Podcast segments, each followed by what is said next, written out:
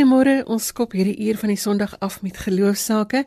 Die program is Sondagjoernaal. Ek is Liselde Brein en terwyl jy in kwarantyne is, hou ons jou geselskap tot net voor die 8 uur nuus. Ons gaste vanoggend is Dr. Johan Karstens en ons vra of jy weet wie jy is.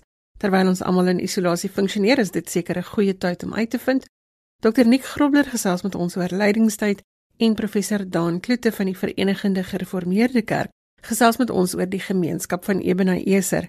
Johannes Bertus de Villiers sluit ons program af met gedagtes oor dankbaarheid. Ons nooi jou uit om saam te gesels per SMS by 45889 en dit gaan jou R1.50 per SMS kos. Jy kan ook saamgesels op ons Facebookblad. RSG se webadres is rsg.co.za en daar gaan jy al die inligting en besonderhede kry oor ons gaste vandag. Dankie dat jy saam met ons is, dat jy ons in jou leefwêreld innooi vanoggend en ons hoop dat ons 'n verskil in jou dag kan maak.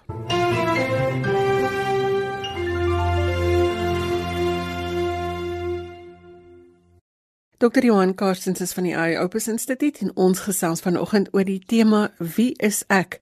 Dis dalk 'n goeie vraag om te vra in hierdie tyd waarin ons meer afgesonder van mekaar is as gewoonlik. Goeiemôre Johan. Môre Lisel en môre aan ons luisteraars ook. Hoekom is dit belangrik dat ons so 'n vraag moet vra? Dis wel seker twee redes in die tyd waarin ons lewe op die oomblik en ook uh, in die lydingstyd van Christus en kan ons hierdie twee goeders pragtig bymekaar bring. In die eerste plek ons ons vra die vraag al hoe meer wie is ek? En dit gee ons identiteit. Ons identiteit is baie sterk gebou rondom die vraag wie is ek of wat is ek? En ek dink ongelukkig in die tyd wat ons ook in ingaan op die oomblik in die wêreld gaan ons agterkom dat ons baie van ons identiteit gebou het rondom die vraag wat is ek? Met ander woorde, my sertifikate teen die muur, dit wat ek gepresteer het, uh my grootte miskien kom ons kyk na 'n gemeente of my werk wat ek opgebou het. En dit sê alles wat ek gedoen het. Maar dit sê nie wie ek is nie. En wanneer ons lewens in duie stort en wanneer dinge begin moeilik raak en die wat van ons lewe begin moeiliker raak en begin vaag word, dan begin ons in 'n depressie in beweeg. Dan begin ons onsself bevraagteken. Dan beïnvloed dit ook ons manier van praat, ons verhouding met ons medemens, ons verhouding met onsself en dan ook veral ons verhouding met God. So dit is vir ons verskriklik belangrik dat ons eers op 'n tyd gaan stil staan nou en sê ek weet wat ek gedoen het wat verskriklik belangrik is. Maar wie is ek werklik agter die persoon van wat ek is? Watter les kan ons uit Bybelstories leer hieroor? Dis al ek dink die beste en dis dis ek meen as jy mees algemene kom ons gaan na Jesus self toe. Jesus kom in Johannes doop vir Jesus en hy kom uit die water uit op. En 'n stem kom uit die hemel uit en die stem sê: "Hierdie is my geliefde kind. Ek is lief vir hom. Hy is waardevol vir my. Ek verheug my, ek is bly oor hom. Hy is myne." En is interessant dat die Vader vir Jesus eers wou laat weet wie hy is voordat hy hom gevra het om te doen wat hy hom voor geroep het. Die Vader kon baie maklik gesê toe Jesus uit die water uitkom, Jesus ek wil hê jy moet gaan brood vermeerder. Ek wil demone hê jy moet demone uit mense uitjaag, mense gesond maak. Ek wil hê jy moet vir hulle lering gee. Maar dit is nie wat die Vader vir Jesus wou oordra nie. Die Vader wou eers vir Jesus oordra wie hy is want as jy as hy weet wie hy is, kon hy doen wat hy moes doen. Jesus kon mense gesond maak omdat hy geweet het wie hy is. Die demoniese wêreld het gepad rondom Jesus omdat hulle en Jesus geweet het wie hy is. Hy kon brood vermeerder, hy kon disippels roep, hy kon mense gesond maak, hy kon gevat het aan mense met virusse en en met melaatsheid omdat hy geweet het wie hy is, kon hy dus gedoen het wat hy is.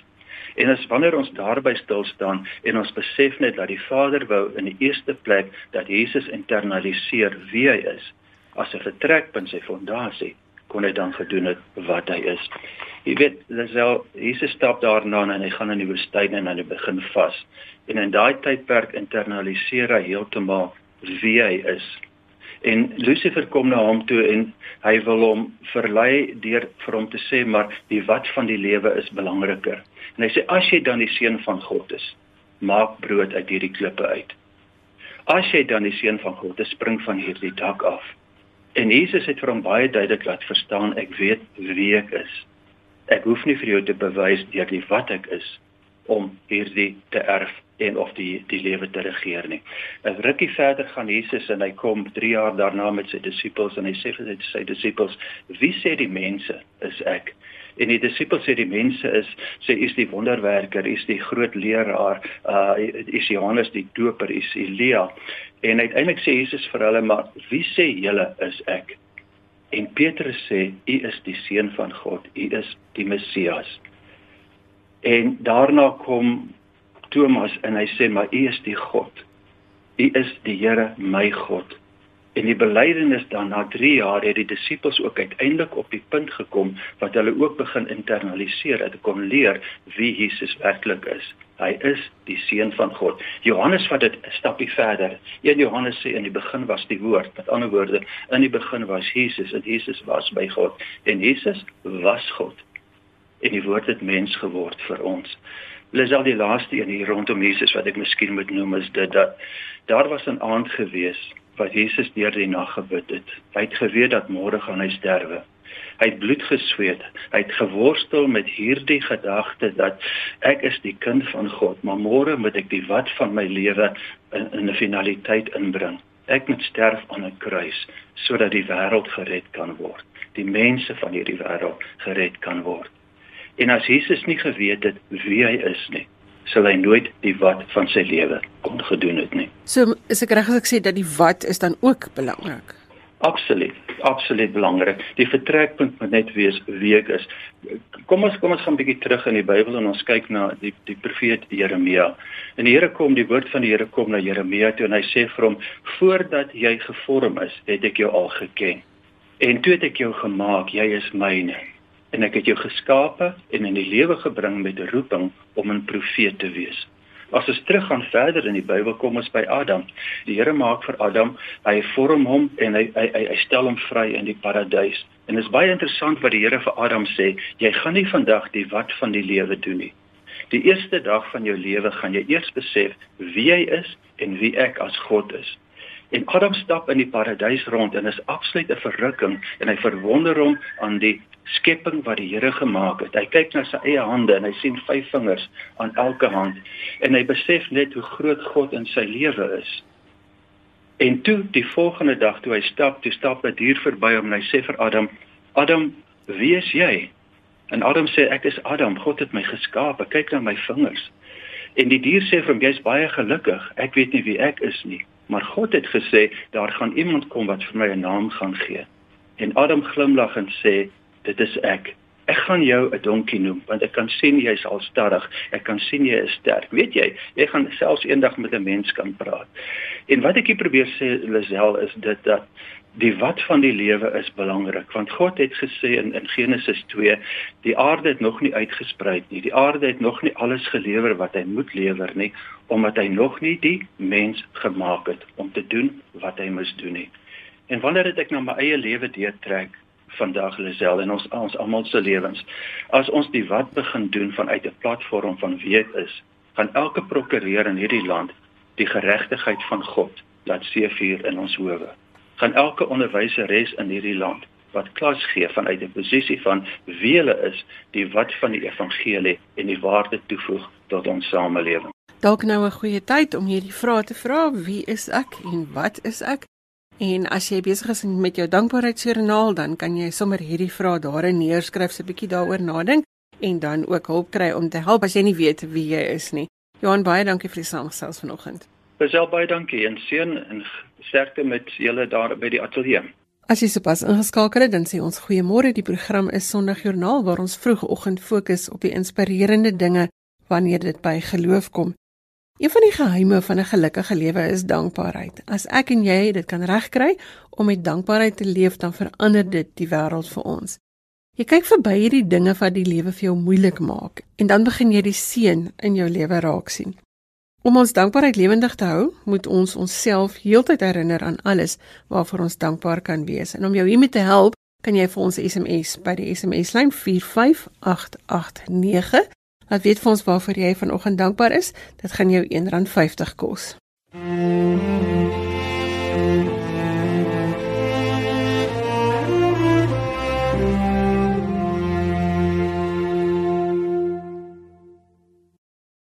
Professor Don Kloete is verbonde aan die VGK Kerk en ons gesels vanoggend met hom oor die Lutsville Ebenezer omgewing waar hy groot geword het. Goeiemôre professor. Goeiemôre. Professor Ebenezer is vasgevang in 'n onseker toekoms. U was onlangs saam met Dr. Bram Hannekom daar op besoek. Vertel ons wat die geskiedenis is van die streek. Ja, kyk, dit is uh, Ebenezer was 'n sendingstasie deur die Drentse sending begin, ek dink 1837 daarom. En die sendingstasie het nou in die in die belangstelling gekom omdat uh, die mense daar het nou gebruik gemaak van die geleentheid om om eise in te stel omdat hulle natuurlik geoordeel het dat hulle nie regverdig behandel was destyds nie. En dit het te maak met die met die projek wat daar ontwikkel het die langs die Olifantrivier besproeiingsprojek waar daar toe plase gegee is aan die aan die blanke boere en toe was hierdie sendingstasie so bietjie in die pad en daar het toe nou 'n rondom 1925 'n ehm beurtnis plaasgevind deurdat die mense daar uh, grondaangebieders by die mond van die rivier en hulle moes nou daar weggaan. En ehm uh, dit is maar, maar kortliks waarom dit gaan uh, die ongelukkigheid is is maar meestal nou binne die gemeenskap van Ebenezer sover ek kan agterkom jy moet begryp ek is ook maar uh, jare gelede daar weg toe ek nog maar 'n uh, kind was. So ek is nie heeltemal so hoogte met met die probleme nie, maar maar ehm uh, in 'n geval uh, daar het dus met die grondeise nou die mense het nou 'n vergoeding gekry daarvoor maar daar skynbaar ongelukkigheid onder die mense self nog sommige wil grond hê, sommige wil geld hê, sulke soort van dinge. So was dit die doel van julle besoek professor om te gaan gesels met die gemeenskap en en te hoor wat aan die gang is? Eintlik nie sodanig ek ek in Bram het gegaan omdat ek wou vir hom vertel van ons huisgesin se persoonlike ervaring. Kyk, ons was nie eintlik deel van die Ebenezer gemeenskap nie.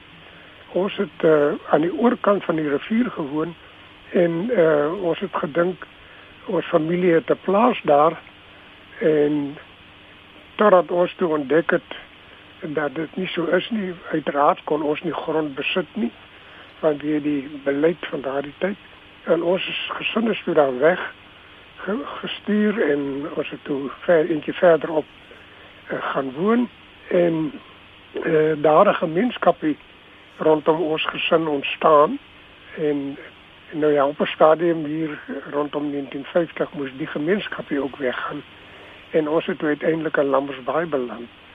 So ek ek stel nou meer belang in wat daar gebeur het wat betref ons gesin want dit was nou 'n soort van uh, hoe moet ek sê 'n opdrag van my moeder om ons familie se geskiedenis op te skryf en en te, te vertel wat daar gebeur het En uh voor ek nou dit kon doen is my moeder oorlede en ek het toe nou gedink ek moet dit tog nog doen. So ek en Bram het gaan kyk wat wat het nou eintlik daar gebeur op Ebenezer en ja, of 'n mens daar iets kan dan doen. Uh, dit is de deel van die geskiedenis, dit is 'n hartseer geskiedenis as ek nou maar oor ons gesin moet praat. Maar ja, ons moet natuurlik nou verder En dis maar wat dat waarna ons 'n bietjie gaan kyk het. Uh, hoe kan ons daar uh, tog werk aan 'n aan 'n proses of uh, iets om om om weer 'n bietjie versoening te kry, weer mm. die verlede agter die rug te sit en vorentoe te gaan. Professor, julle is twee keer verskuif in daardie tyd waar gesinne onteien is. Wat is die rol wat die geloofsgemeenskap gespeel het in in daardie tyd, maar miskien wat is die rol wat die geloofsgemeenskap nou kan speel om daardie mense bymekaar te hou of dink jy nie daar's 'n plek daarvoor nie? Ek dink dit is absoluut belangrik dat die geloofsgemeenskap 'n rol speel. Ek neem aan dat hulle in daardie tyd toe dit gebeur het, ek praat nou van die Ebenezer sendingsstasie, dat die mense dit uh, die verskuiwing as ongelukkig ervaar het en beswaar gemaak het. Daar is ook uh, dokumente wat dit aanbei. Um, een van ons leraars daar het 'n goeie ondersoek gedoen daar rondom. Maar ja, soos ek sê, dit is 'n bietjie geskiedenis. Ons moet nog verder kom en uh, ek dink die geloofsgemeenskap wat nou daar is de van die VGK en die enige kerk en miskien ander kerkgenootskappe behoort nou met mekaar in gesprek te tree om te kyk hoe kan ons die uh, situasie daar tog op 'n ander manier hanteer en 'n bietjie ons kan nie verlede regmaak nie, ons kan daarop sê uh, kom ons kyk hoe kan ons verder met mekaar in die toekoms in. Professor het 'n boek geskryf oor die vloei van die rivier. As ek mag vra die rol wat dankbaarheid in die eie persoonlike lewe speel. Och ja, ja. Kyk ek het ek het 'n soort van uh, autobiografie oor my lewe geskryf. En as ek nou daaroor nadink, dan dink ek uh hoe, hoe wonderlike mense wat wat op strategiese oomblikke in my lewe uh, 'n rol gespeel het en gehelp het dat ek uiteindelik gekom het waar ek waar ek uh, was en waar ek nou ook nog is. Uh, ek noem byvoorbeeld uh, daar het ons in in in in van gebly op 'n eenvoudige huisie en toe kom daar onderwysers uit die Kaap uit by ons twee maand skooltjie te kom skool hou en hy ek weet nou nog nie hoe hy kans gesien het om by ons te bly nie want ons het nie 'n behoorlike huis gehad nie. Maar hy sê vir my ma luister uh, uh, Dani moet moet hoërskool toe gaan. My ma het hom maar so gekyk en gedink waarvan praat hy nou? En toe het hy vakansie stad toe gegaan en alles gereël het teruggekom en het vir my ma gesê alles is gereël volgende jaar gaan Dani 'n uh, hoërskool toe. En ek het daar van daai twee maand skooltjie af direk die volgende jaar in Distriksis uh, by Engelse skool terechtgekom. Ek kan nie self indink hoe dit um, hoe die sprong wat dit beteken het. Maar wat ek wil sê is uh, Mr. Jaco Alexander sy naam. Hy het 'n geweldige rol uh, in my lewe uit as ware my my toekoms uh, bepaal want ek ek sê altyd as hy nie daar gekom het en en die potensiaal waarskynlik in my gesien het nie dan sou ek waarskynlik ook maar gewone plaaswerker daar ook so geword het. Daar is toe nie down in die bandtom wat by ons predikant was Lammersbaai en wat my aangemoedig om aangemoedig het om predikant te word en daar is uh, ag om by ons nou die wat toe ek nou net so jonk vir 'n kantjie was daar boosters by my kom uh, inloer het en uh, my aangemoedig het om te studeer. Daar is uh, die internasionale bekende professor Herman Ridderbos in Nederland by wie ek toe gaan studeer het. Uh, heel wat Suid-Afrikaners het by hom studeer. So al die mense vir hulle is ek natuurlik besonder dankbaar dat hulle op my weg gekom het en my aangemoedig het en gehelp het om te bring waar ek uiteindelik gekom het. En so gesels professor Don Klitte en ons het 'n bietjie gesels oor sy grootword daar op Ebenezer en sy pad van dankbaarheid. Professor baie dankie vir die saamgesels vanoggend. Dankie. Nick Grobler is afgetree aan die suidkus van Natal. Hy is 'n bekende beeldhouer en ons gesels vanoggend met hom oor genade. Goeiemôre Nick. Môre Lisel en môre aan al ons luisteraars. Ons afspraak in die ateljee kon genadiglik met 'n telefoonoproep vervang word weens ons isolasie. Maar dit bring my nou sommer by ons eerste vraag. Wat is genade en hoe sal jy as 'n kunstenaar dit uitbeeld? Wel, dit genade, veral in hierdie tyd van ons kerkjaar, is die kern van die hele boodskap van die Christendom. Ons besef net dat die Here het vir ons geweldige groot genade betoon. As jy nou by my vra wat is genade, dan kan ek dit opsom in twee woorde. Onverdiende goedheid. Dis wat genade is. Ons het dit nie verdien nie, maar dit is die goedheid van die Here. Hy het vir ons 'n geskenk gegee. En dit word baie mooi geïllustreer deur verskillende beelde van Jesus self. Byvoorbeeld die verhaal van die verlore seun. As jy dink aan die verhaal van die skuldenaar wat baie geld geskuld het, en toe vrygespreek is deur die koning, maar dan gaan hy en dan gryp hy 'n ander ou aan die keel en dan wil hy sy bietjie wat hy geskuld word ook opeis. Soos daar baie voorbeelde. Maar ek dink dat ons vir mekaar moet sê dat genade is diep gewortel in die Ou Testament. Ek is so aangegryp die afgelope tyd deur die genade wat die Here betoon het aan die volk van ouds met die redding uit Egipte en hulle opstandigheid langs die pad dat hulle selfs op 'n stadium sê nee hulle wil nou weer terug gaan Egipte toe in die slawerny en dan vergewe God hulle. Dit is asof Moses besef jy weet maar hoe geweldig is hierdie oortreding en dan tree hy vir hulle in en dan lees ons hoe dat God hulle genadig is en hulle vergewe. So as jy my vra wat is genade, dan is dit die onbeskryflike groot onverdiende goedheid van die Here aan ons. Hoe verskil die Christelike geloofse genade met ander godsdienste? Wel, ek dink dis duidelik dat in die ander godsdienste wil hulle die uh guns van God verdien. Met ander woorde, jy gaan na God toe en jy bied jouself aan en jy probeer om deur 'n goeie lewe of uh offers wat jy bring die guns van die God wat jy aanbid te verdien.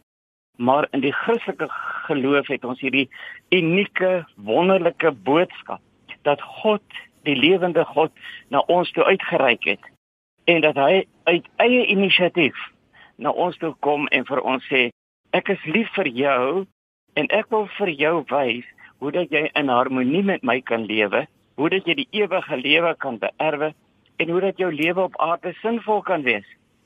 God het vir ons 'n wonderlike reddingsplan uitgewerk. En as ons lees in Efesiërs 2 vers 8, dan sê hy: "Julle is inderdaad uit genade gered deur geloof." Hierdie redding kom nie uit julleself nie. Dit is 'n gawe van God. Aan die ander wyse 'n geskenk wat ons ontvang het. Dit kom nie deur julle eie verdienste nie. En daarom het niemand enige rede om op homself trots te wees nie. Nee, God het ons gemaak wat ons nou is in Christus Jesus.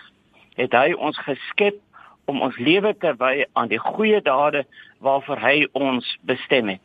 En dit sien jy in almal wat hierdie ervaring van God se genade gehad het. Byvoorbeeld Maria wat dadelik reageer deur haarself vir die Here aan te bied. En so kan ons kyk na die skaapwagters, ons kan kyk na Josef, ons kan kyk na Paulus, ons kan almal opnoem wat die Bybel van praat. Dis mense wat dan reageer. So daar's twee dinge in die genade wat na vore kom. Dis 'n geskenk van God, uniek en uit dankbaarheid bied ons onsself vir die Here aan. Ons gaan nie eers om te probeer verdien, dink ons kan uh, die guns van God verdien nie. Nee, ons gaan uit dankbaarheid en dan sê Here, dankie vir wat U vir my gedoen het. Ek kan nie anders nie. Ek ek moet hieroor praat. En daarom is die woord uh, genade wat ook van dieselfde stam Garis kom wat blydskap uitbeeld, wat geskenk uitbeeld, dat die die die woord is 'n woord wat vir ons sê God se genade weerkaats in ons eie lewe. En daarom wil jy ook van jou kant af met die genadegawes wat aan jou gegee is, die lof van God besing, jy weet. Ek doen dit net maar op 'n beskeie manier deur my beeldhouwerk en uh daar's soveel uh dinge wat ek graag wil uitbeeld oor genade, jy weet dat ek het net nie genoeg tyd om dit alles te doen nie. Want as ek nou byvoorbeeld dink, jy weet aan die reeks wat ek gemaak het oor die hande, jy weet dan dan is daar van daai beeldhouwerke byvoorbeeld die een wat ek nou pas klaar gemaak het van die twee hande wat sterk in mekaar gevleg is kan jy amper sê jy weet. 'n uh, 'n beeld van so baie tekste wat sê God het ons gered met sy regter uh, uh, reddende regterhand. Dan kan jy nie anders as om te sê Here ek wil graag hierdie boodskap uitdra dan deur beeldende kuns ook jy weet. En as jy nou dink aan die verlore seun wat terugkom by sy pa, sy pa wat hom genadig is en wat met oop arms het terug ontvang. O, so daar's baie baie verskillende kunswerke wat hy ook kan gebruik. Kan ek nou raai moes wille gevraag vra? As as ons nou sê genade is 'n geskenk, beteken dit God het alles vir ons gedoen. Ons kan nou maar leef soos wat ons lus is. Alles is mos nou klaar gedoen. Lisel, dit is 'n baie belangrike vraag wat jy nou vra, want die gevaar is dat jy nou kan sê, ja, wel, God het nou alles vir ons gedoen. Ons kan nou niks aan ons eie redding doen nie. So met ander woorde, nou kan ek maar terugsit en ek leef net wat ek in die verlede geleef het en soos wat ek wou. Maar uh, ek dink aan 'n getuienis van iemand met die naam van Steven Lungu wat uh, een van die vryheidsvegters in Zimbabwe was wat die aand gegaan het na groot byeenkomste, toe Christelike byeenkomste en met een doel en dit is om 'n bom daar te plant en al die mense uitmekaar uit te skiet. En terwyl hy luister na die getuienis van 'n jong meisie, het hy tot inkeer gekom en besef maar hy het die liefde van God nodig in sy lewe. En toe het hy sy hart vir die Here gegee. En hierdie verandering wat daar in sy lewe gekom het, sy dankbaarheid kon hy nie anders as om uit te leef en daarom is hy vandag 'n kragtige getuie vir die hele wêreld. So God se genade beteken vir ons dat dit beweeg jou tot dankbaarheid met jou mond, met jou dade. Jy kan nie anders as om dankie te sê met dit wat jy het, wat jy van die Here ontvang het. Daar's 'n baie mooi oosterse uh geloof en dit is dat genade is jou sintuie om te kan hoor, om te kan praat, om uh, te kan voel, te kan sien, al hierdie ding. En dit is vir my 'n baie mooi gedagte dat 'n mens besef maar omdat God my so genadig is dat ek kan sien en dat ek kan hoor en dat ek kan ruik en al hierdie dit sê vir my ek moet juis hierdie sintuie gebruik om sy eer te verkondig en om ander mense te dien. Nik ek wil baie graag met jou die gesprek oor dankbaarheid opvolg. Ons gaan dit op 'n volgende geleentheid mee doen. Baie dankie vir die saamgesels. Ek het gesels met Dominiek Grobler. Hy is 'n afgetrede predikant wat daar in die suidkus van Natal woon en hy is ook 'n bekende beeldhouer wat die woord gebruik om in sy beeld te werk. Dankie vir die saamgesels vanoggend, Nik. Baie dankie vir die voorreg, Lisel. Soos ek reeds genoem het, dankbaarheid verander ons perspektief op die lewe. So ons nooi jou uit om vanoggend vir ons te laat weet waarvoor jy dankbaar is. Stuur vir ons 'n SMS na 45889 of gaan los 'n boodskap op ons Facebookblad. Ons sien elkeen van hulle. Estie maak seker dat ons elke Sondag dit ook kry per e-pos. Sy moenie huiwer om jou boodskap te stuur nie. Dit gaan jou R1.50 kos. Terwyl die hele wêreld hulle self nou onder kwarantyne plaas, is ek seker jy het tyd om notas te maak vir dit waarvoor jy dankbaar is. Deel dit met ons. Die SMS-lyn is 45889 en dit gaan jou R1.50 kos.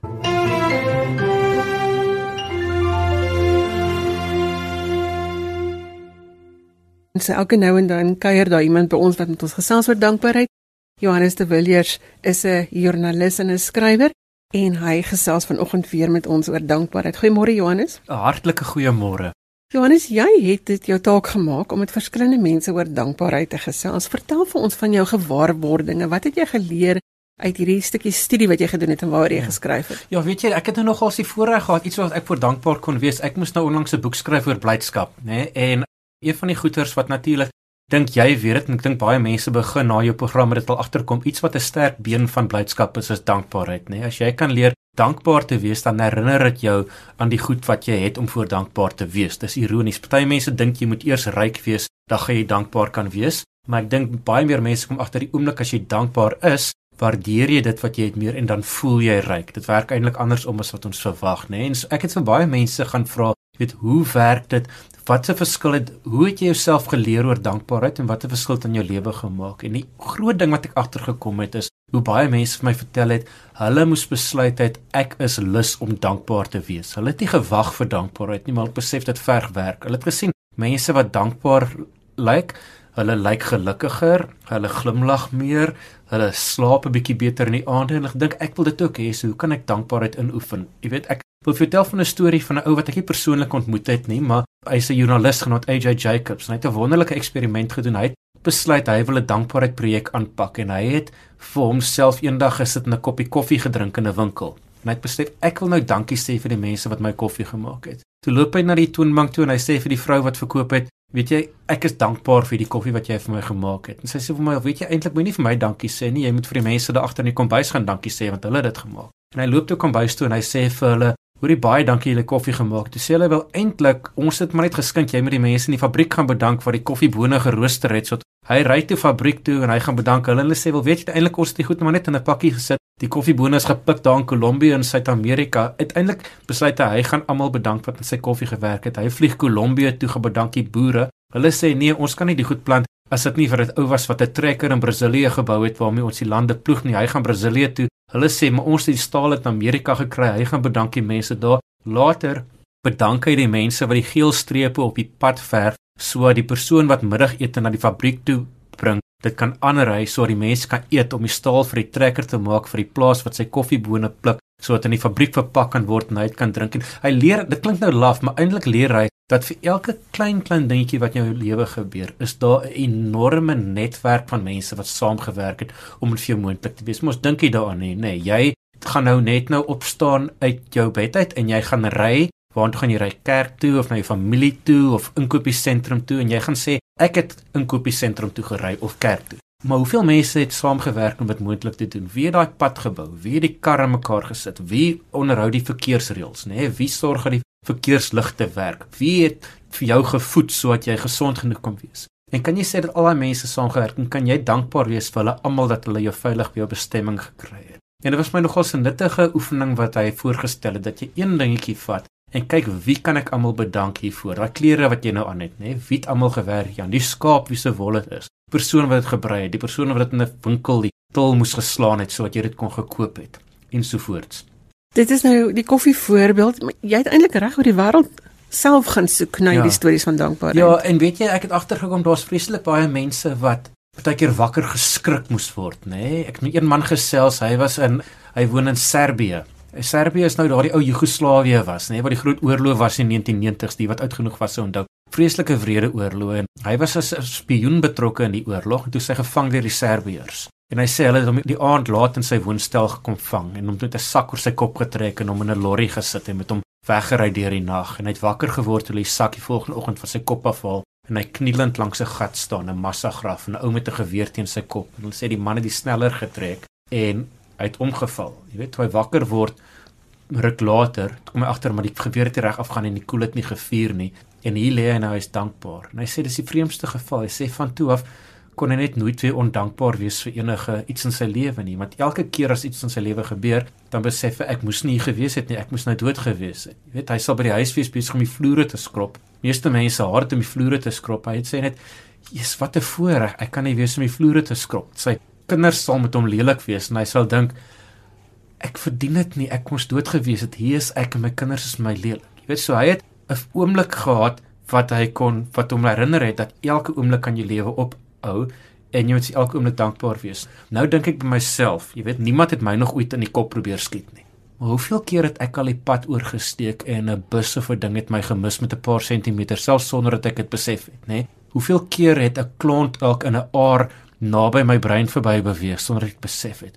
Ek moes eintlik nie hier gewees het nie, nê? Nee, elke oomblik is 'n geskenk. As jy terugdink in die ou dae, jou oupa en ouma grootjie toe hulle voortrekkers was of wou ook al hulle was, hoeveel kinders het gesterf het? Hoe raar was die kans dat jy sou leef tot in jou volwasse lewe en hier is jy deur al jou siektes, vir al die goeters wat jy voel, vreeslike ontbering was al jou swaar kry. Jy het dit gemaak, jy's nog hierso. Net kan jy jouself eers op die skouer klop en weet sê, "Well done, hier is ek." En tweedens kan jy opstaan en besef hoe elke oomblik, die moeilike oomblikke ook, 'n gawe is want jy is nog steeds hierso om dit te ervaar. Dit klink nou nou jy weet nou sien die blinkkant van 'n slegte saak, maar ewe skielik besef jy dat die lewe nie gaan uit, jy weet, minder slegte oomblikke en meer beter oomblikke kry nie, maar net te waardeer dit wat oor jou pad kom, want jy kon so maklik dit nie gehad het nie. Dit sluit my aan by 'n aanhaling wat jy gebruik het, blydskap is eenvoudig, maar eenvoud is nogal moeilik. Ja, Ja, nee, net om om weet hulle sê in 'n sekere sin om ryk te wees gaan nie oor hoeveel jy het nie, maar hoeveel jy wil hê, nê? Nee? So as jy vreeslik baie goed wil hê en jy het min goed, dan gaan jy baie arm voel. Maar as jy baie min wil hê en jy het die meeste van daai goed, dan gaan jy baie ryk voel. So in 'n sekere sin gaan blydskap daaroor. Hulle sê nou tel jy daar's soveel klisjées, nê? Tel jou seëninge en so aan, maar leer om meer te fokus op dit wat jy het en nie op dit wat jy nie het nie. Daar's soos baie mense, ryk mense wat elke dag 'n heel dag kla met die kaviaar wat hulle van buite geëet het, nie koud genoeg was vandag nie, nê? Terwyl jy kan jy weet fokus daarop jy het jy het iets gehad om te eet. Of dalk het jy nie ontbyt gehad nie, maar gemiddagete, jy weet, of dalk het jy iemand gehad wat ten minste saam met jou was deur swaar kry, wat saam met jou kon sit en in die swaar kry kon deel. Daar's in elke oomblik kan jy gaan stil staan en jy kan sê wat is daar in die oomblik wat ek wel het om voor dankbaar te wees. Kan ek vra jy praat gereeld oor die geraas in 'n mens se kop, oor ja. die chaos wat in jou kop aangaan. Ja. Daai stil word proses. Hoe doen ons dit sodat ons hierdie dankbaarheid kan ervaar vir die klein dingetjies? Ja, dis interessant, né? Nee. Party mense glo my nie tot jy gaan stil staan en luister nie, maar hoe? Jy weet mos daar's konstante stem in jou kop wat met jou praat, nê, nee, wat vir jou vertel, o, daar stap daai een van wie ek nie hou nie, daar so is daai ding wat ek graag wou gehad het, wat gaan nou môre verkeerd gaan? En dis verstom met hoe groot deel van daai stem 'n stem is wat jou die hele tyd vertel wat verkeerd is in jou lewe, nê? Nee? Waarvan het jy nie genoeg nie? Waaroor is jy spyt? Wat is jy bang gaan môre gebeur? En in 'n sekere sin, jy weet, jy het al die woord mindfulness geleer en wat dit is is om vir jou te sê, probeer 'n klein bietjie minder in daai stem lewe en net 'n bietjie meer in die realiteit van jou lewe. So pleks van dat ek nou hierso sit en ek kan nou my gedagtes kan nou al klank al môre se Bobbejaan agter die berg gaan haal. Môre is maandag, waar gaan my baas vir my beklei? Gister was Saterdag, wat het op die partytjie verkeerd gegaan waar iemand met my gestry het? Maar kan jy uit daai geraas in jou kop klim na hier waar jou lyf nou is? Dis Sondagoggend, jy lê op jou bed en dalk is daar 'n la sagte laken bo oor jou. Dalk is daar selfs 'n vriendelike mens of 'n vriendelike hond of 'n ding langs jou op die bed. Nee, dit dit nie. Dalk 'n vriendelike voeltjie wat sing buite kan die venster. Dit gaan nie oor om te maak of jy probleme nie bestaan nie, maar om te besef môre gaan eers môre gebeur, gister eers gister, maar hier op hierdie oomblik waar ek nou is, bedreig niks my nou nie. Die goed wat jou bedreig gaan weer kom en dan gaan jy daarmee om te plan moet maak, maar jy hoef nie hierdie oomblik se vrede op te offer of hierdie oomblik se dankbaarheid op te offer oor wat later en voorheen gaan gebeur nie. Johannes baie dankie vir hierdie gesprek oor blydskap. Dankie dat jy vir ons 'n studie daaroor gedoen het. Johannes is 'n bekende joernalis en skrywer en hy's ook 'n yogi wat vir ons leer om stil te word en om asem te haal elke nou en dan. En ons gaan binnekort weer met jou gesels. Dankie vir die saamgesels vanoggend. Dit was enorm lekker, dankie. Ons is aan die einde van ons kuier vanoggend. Ek sê dankie vir my gaste, Dr. Johan Karstens, Dr. Nick Grobler, Professor Daan Klute van die VGK en Johannes de Villiers. Sorgjoernaal is as 'n potgooi beskikbaar. Jy kry dit op RSG se webwerf en die adres daar is rsg.co.za. Stuur vir my 'n e-pos. Die adres is lazel@wwmedia.co.za. Tot volgende week groet ons met die hoop dat jy veilig en gesond is. Ons kuier volgende Sondag weer saam. Tot dan, totsiens.